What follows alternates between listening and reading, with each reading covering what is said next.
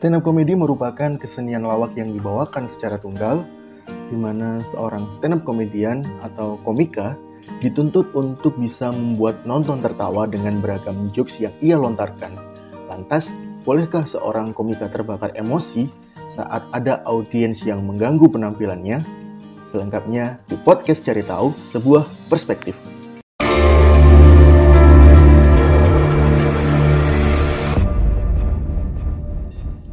Assalamualaikum warahmatullahi wabarakatuh. Kembali lagi bareng aku Dimas Raditya di podcast Cari Tahu. Dan kali ini aku mau bawa sebuah materi yang hmm, belum lama ini mungkin teman-teman yang sering lihat reels di Facebook atau mungkin video yang sempat viral di Instagram di mana video tersebut ada salah satu stand up comedian atau komika bernama Oki Rengga itu tampil dalam sebuah acara. Kalau nggak salah acara itu uh, semacam konser musik ya sebenarnya. Jadi Oki Rengga ini menjadi penampil sebelum slang itu tampil ke panggung. Artinya Oki ini tidak tampil di panggung yang memang didesain untuk sebuah pertunjukan komedi. Uh, sejujurnya aku juga nggak tahu kenapa Oki Rengga ngambil job seperti itu ya. Oke, okay, tapi sebelumnya aku mau uh, sedikit klaim dulu bahwa aku ini di tahun ya sekitar 2012, 2012 itu aku mulai mengenal stand up comedy. Uh, terus sampai 2000 berapa ya? Sampai 2015 2016 sampai akhirnya aku memutuskan untuk tidak lagi berstand up comedy karena uh, satu dan lain hal di situ. Jadi aku merasa bahwa aku sedikit memiliki kapabilitas untuk ngomongin hal ini. Nah, buat teman-teman yang belum tahu siapa Oki Rengga, Oki Rengga ini adalah uh, seorang stand up comedian. Dia ini bukan stand up comedian kaleng-kaleng, bahkan dia salah satu finalis di stand up komedi Kompas TV season 8 dan Oki Rengga ini berhasil mendapatkan runner up ya. Dapat juara dua waktu itu. Jadi secara kualitas sudah dipastikan Oki Rengga ini benar-benar punya kualitas yang mumpuni gitu ya. Ya katakanlah layak untuk mendapatkan label sebagai komika standar nasional. Kayak gitulah ya Nah, uh, tetapi ada salah satu video yang ingin aku kritisi di mana uh, Oki Rengga ini ceritanya dia turun dari panggung karena ada penonton yang mengganggu penampilannya. Nah, uh, untungnya Oki Rengga ini udah klarifikasi dan aku juga udah lihat video klarifikasinya seperti apa. Di mana Oki Rengga ini bilang kalau dirinya itu merasa terganggu dengan salah satu ulah penonton yang mengatakan, "Woi, botak, turun." Nah, uh, memang Oke Rengga memang botak ya, teman-teman mirip kayak kiper mantan kiper timnas uh, Marcus Horizon. Dan kebetulan juga Oke Rengga ini dulu pernah menjadi uh, kiper juga di Produta FC sama PSMS Medan. Oke, okay. tapi di sini Dimas nggak mau bahas soal kipernya, soal karirnya sebagai kiper. Kita, kali ini mencoba fokus tentang karir dia sebagai seorang stand up comedian. Nah, uh, kalimat "woi, botak turun." Nah, itu kalimat yang dirasa sebagai semacam gangguan di pertunjukan stand up comedy ya.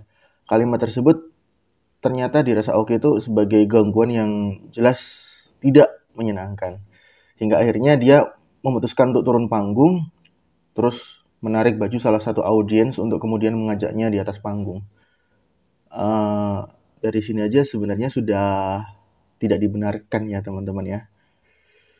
Dan setelah penonton yang ditarik bajunya oleh Oki naik ke atas panggung, terus waktu itu Oki itu ngasih mic-nya gitu, ngasih mic-nya dan meminta si penonton yang mengganggunya tadi untuk melucu versi dia. Oke, dan nggak lupa juga waktu itu Oki minta tepuk tangan untuk minta tepuk tangan, minta penonton untuk tepuk tangan waktu itu. Nah, uh, teman-teman sekalian, paranois, Anchormania atau Google, Google Podcast Mania, sebenarnya uh, Oki ini punya materi yang keren ya, teman-teman. Kenapa kok dia sampai bisa tembus bahkan sampai ke final gitu? Ternyata keresahan dia selama berkarir di dunia sepak bola, rupanya ini yang jadi jalan rezeki buat dia untuk terus eksis di panggung nasional stand up comedy. Oke, uh, sampai sini paham ya teman-teman ya. Jadi ternyata stand up comedy itu nggak cuma sekadar teknik saja, tapi uh, tema yang dibawakan tuh kira-kira bisa berlanjut atau enggak gitu. Kadang ada komika yang dia kualitasnya bagus, tetapi ketika terjun ke dunia kompetisi ya paling cuman minggu satu dua tiga hilang minggu satu dua tiga hilang contoh seperti Uus Uus ini lucunya lucu luar biasa tapi ternyata dia harus tereliminasi atau harus close mic di minggu-minggu awal oke okay. nah uh, terkait dengan apa yang dilakukan oleh Oki Rengga ya ketika dia turun di panggung terus dia me, apa ya dia datang ke tribun penonton. Bukan tribun ya namanya apa ya. Dia turun di situ pokoknya intinya dia kayak orang nantang berkelahi lah.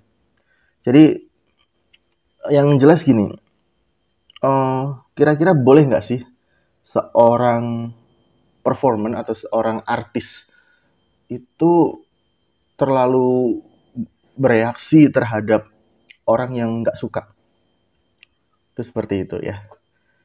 Yang jelas ada beberapa tanda tanya ya yang perlu aku tanyain sebenarnya dan mungkin ya kalau buat teman-teman yang mau berkomentar silahkan ditulis aja di kolom komentar. Intinya gini, di dalam klarifikasinya itu Oke Rengga itu pernah bilang bahwa dia itu tidak emosi ya. Satu. Ini Oke Rengga yang klaim dia tidak emosi tetapi dia ingin ngasih sebuah momen di mana dia pengen ngasih pembelajaran nih buat para audiens untuk uh, apa ya untuk agar bisa lebih menghargai siapa pun yang sedang tampil di atas panggung. Apalagi uh, itu adalah panggung besar dan panggung profesional juga bukan panggung acara 17-an tingkat RW itu bukan tapi ini panggung luar biasa. Bahkan konser tersebut diselenggarakan oleh salah satu bank milik BUMN ya Nah, tanda tanya yang pertama adalah, pertama, kenapa seorang komika kelas nasional masih mau menerima panggung secara outdoor? Itu satu. Mengingat bahwa panggung seperti itu jelas sangat jarang diambil oleh para komika sekalipun komika amatir. Itu ya. ya, dulu sih aku sama teman-teman stand up Indo Wonosobo juga pernah ya beberapa kali dapat stand up secara outdoor kayak gitu dan memang hasilnya nggak begitu maksimal. Tapi karena waktu itu kita belum profesional kita masih amatir dan kita juga punya misi ya. Kita punya misi untuk memperkenalkan stand up comedy secara lebih luas. Dan di sisi lain karena ada duitnya ya lumayan lah bisa buat jajan batagor ya. Ya karena waktu itu masih amatir ya kalau misalkan nggak lucu ya nggak apa ya. Ya kita masih nggak bahwa oh ya ini pembelajaran kayak gitu, pembelajaran buat kita kalau misalkan nggak lucu. Nah, apalagi gini, di panggung tersebut ya, seperti yang sudah aku sampaikan di awal, ada grup band slang sebagai penampil puncak. Jadi uh, teman-teman bayangin ya, panggung outdoor, di mana di situ ya yang orang-orang tahu datang ke situ pasti aku mau nonton slang, aku mau nonton kakak, aku mau nonton Bim Bim dan kawan-kawan. Bukan nonton Oki Rengga sebagai seorang stand up comedian. Ya, 90% lah penonton yang datang ke situ pasti niatnya pengen nyanyi bareng kakak dan kawan-kawan. Iya, pasti iya. nah, jadi gini, stand up comedy itu idealnya ya adalah sebuah pertunjukan di mana penontonnya juga siap untuk menerima materi komedi. Itu. Jadi apa ya nonton stand up komedi itu emang ya kayak orang mau kuliah lah idealnya lah jadi apa ya di indoor terus kursi yang nyaman tata lighting yang juga nggak bikin ngantuk kayak gitu itu juga sebenarnya perlu diperhatikan gitu dan aku juga yakin ya komika sekelas Panji Pragiwaksono akan berpikir dua kali untuk menerima job panggung seperti itu. Aku yakin. Ya karena idealnya memang ya gimana ya stand up comedy itu kayak ya sebenarnya kayak orang menyampaikan keresahan ya. Kayak orang kuliah kayak gitu loh ibaratnya loh. Dan ketika outdoor itu fokus audiens itu bisa pecah.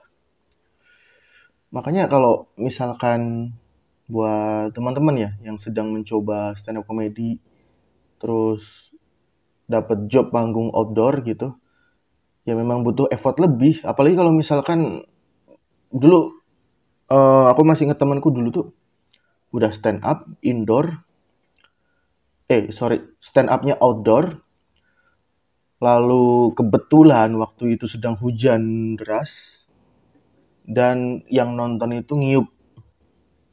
Yang nonton ngiup. Itu gila banget sih. Dan yang ketawa cuman MC doang.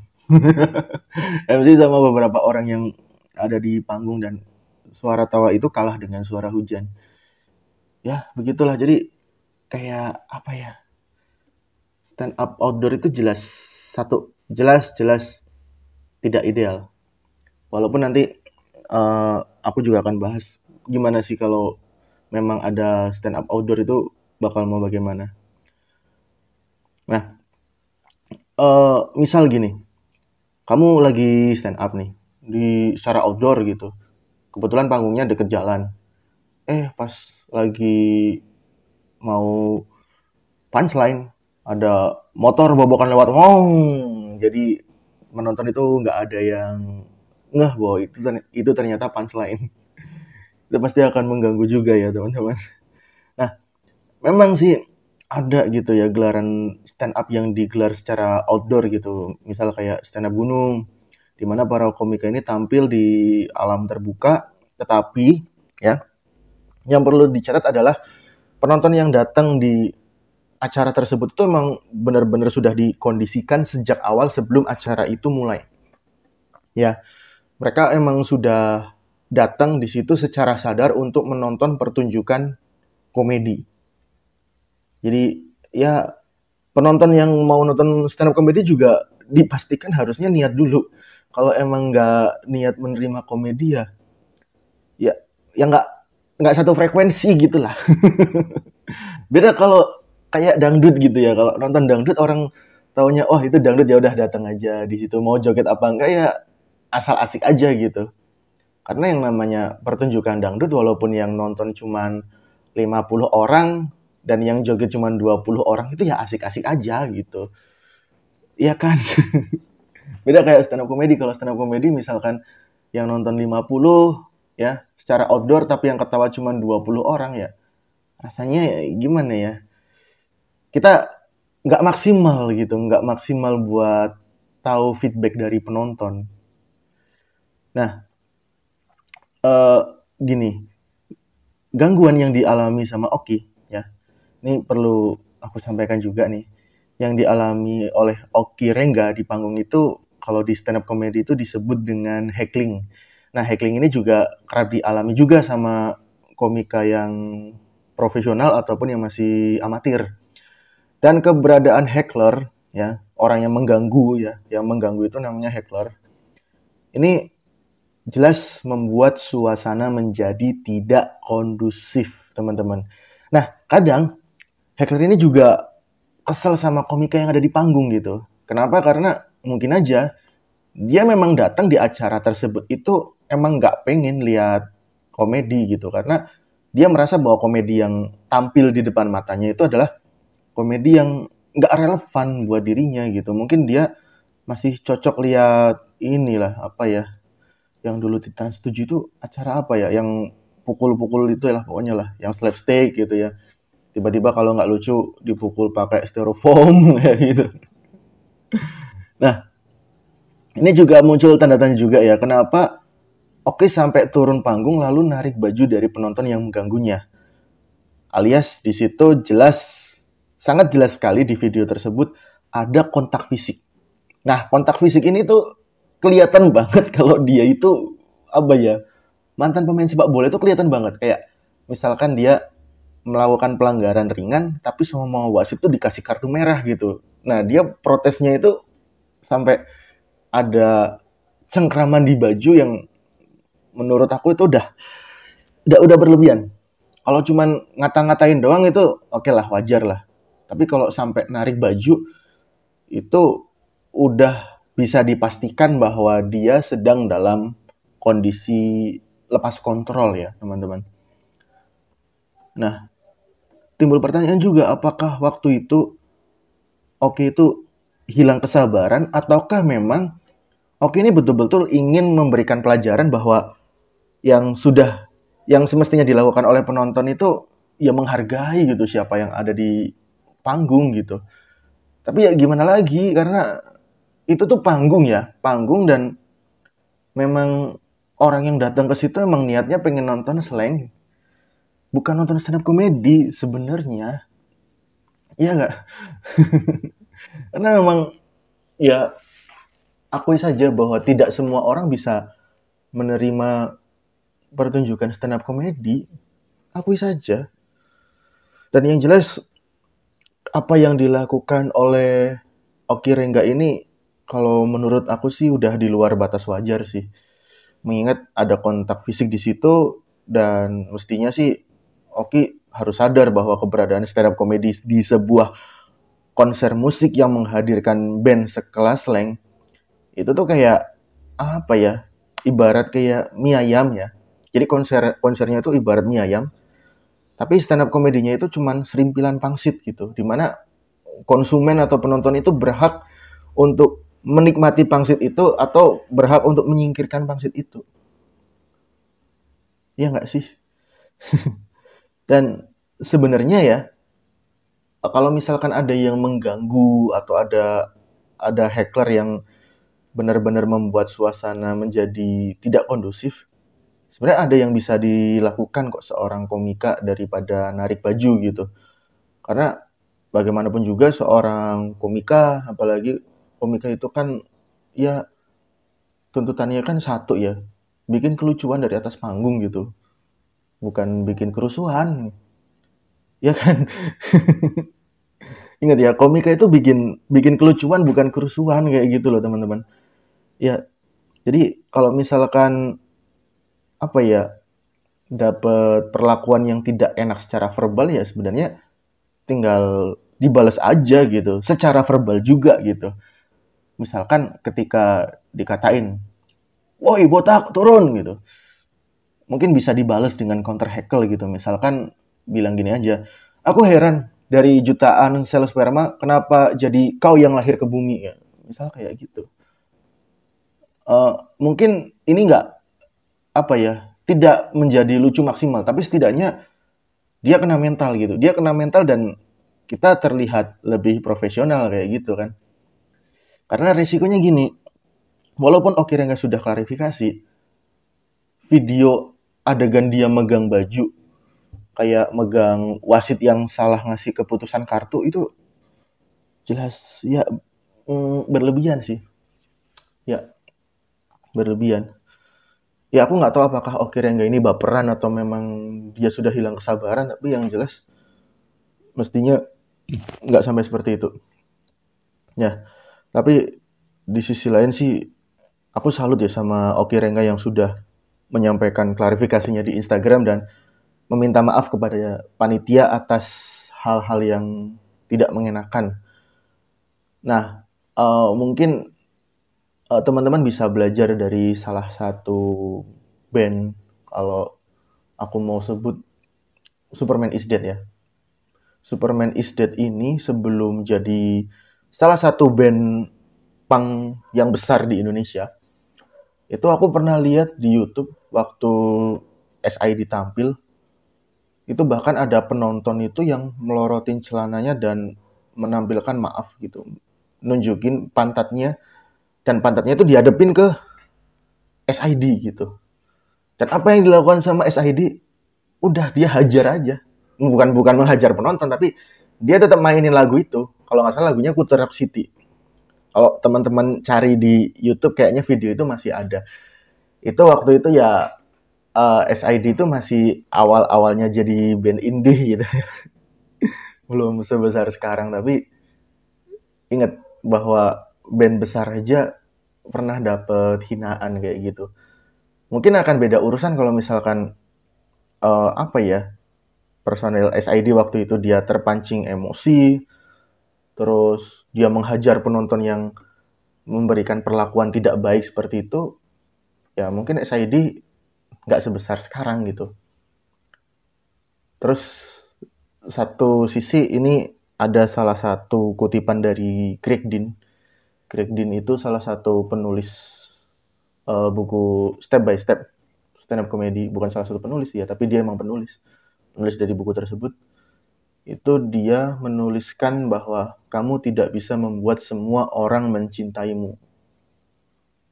Itu itu uh, salah satu pegangan juga.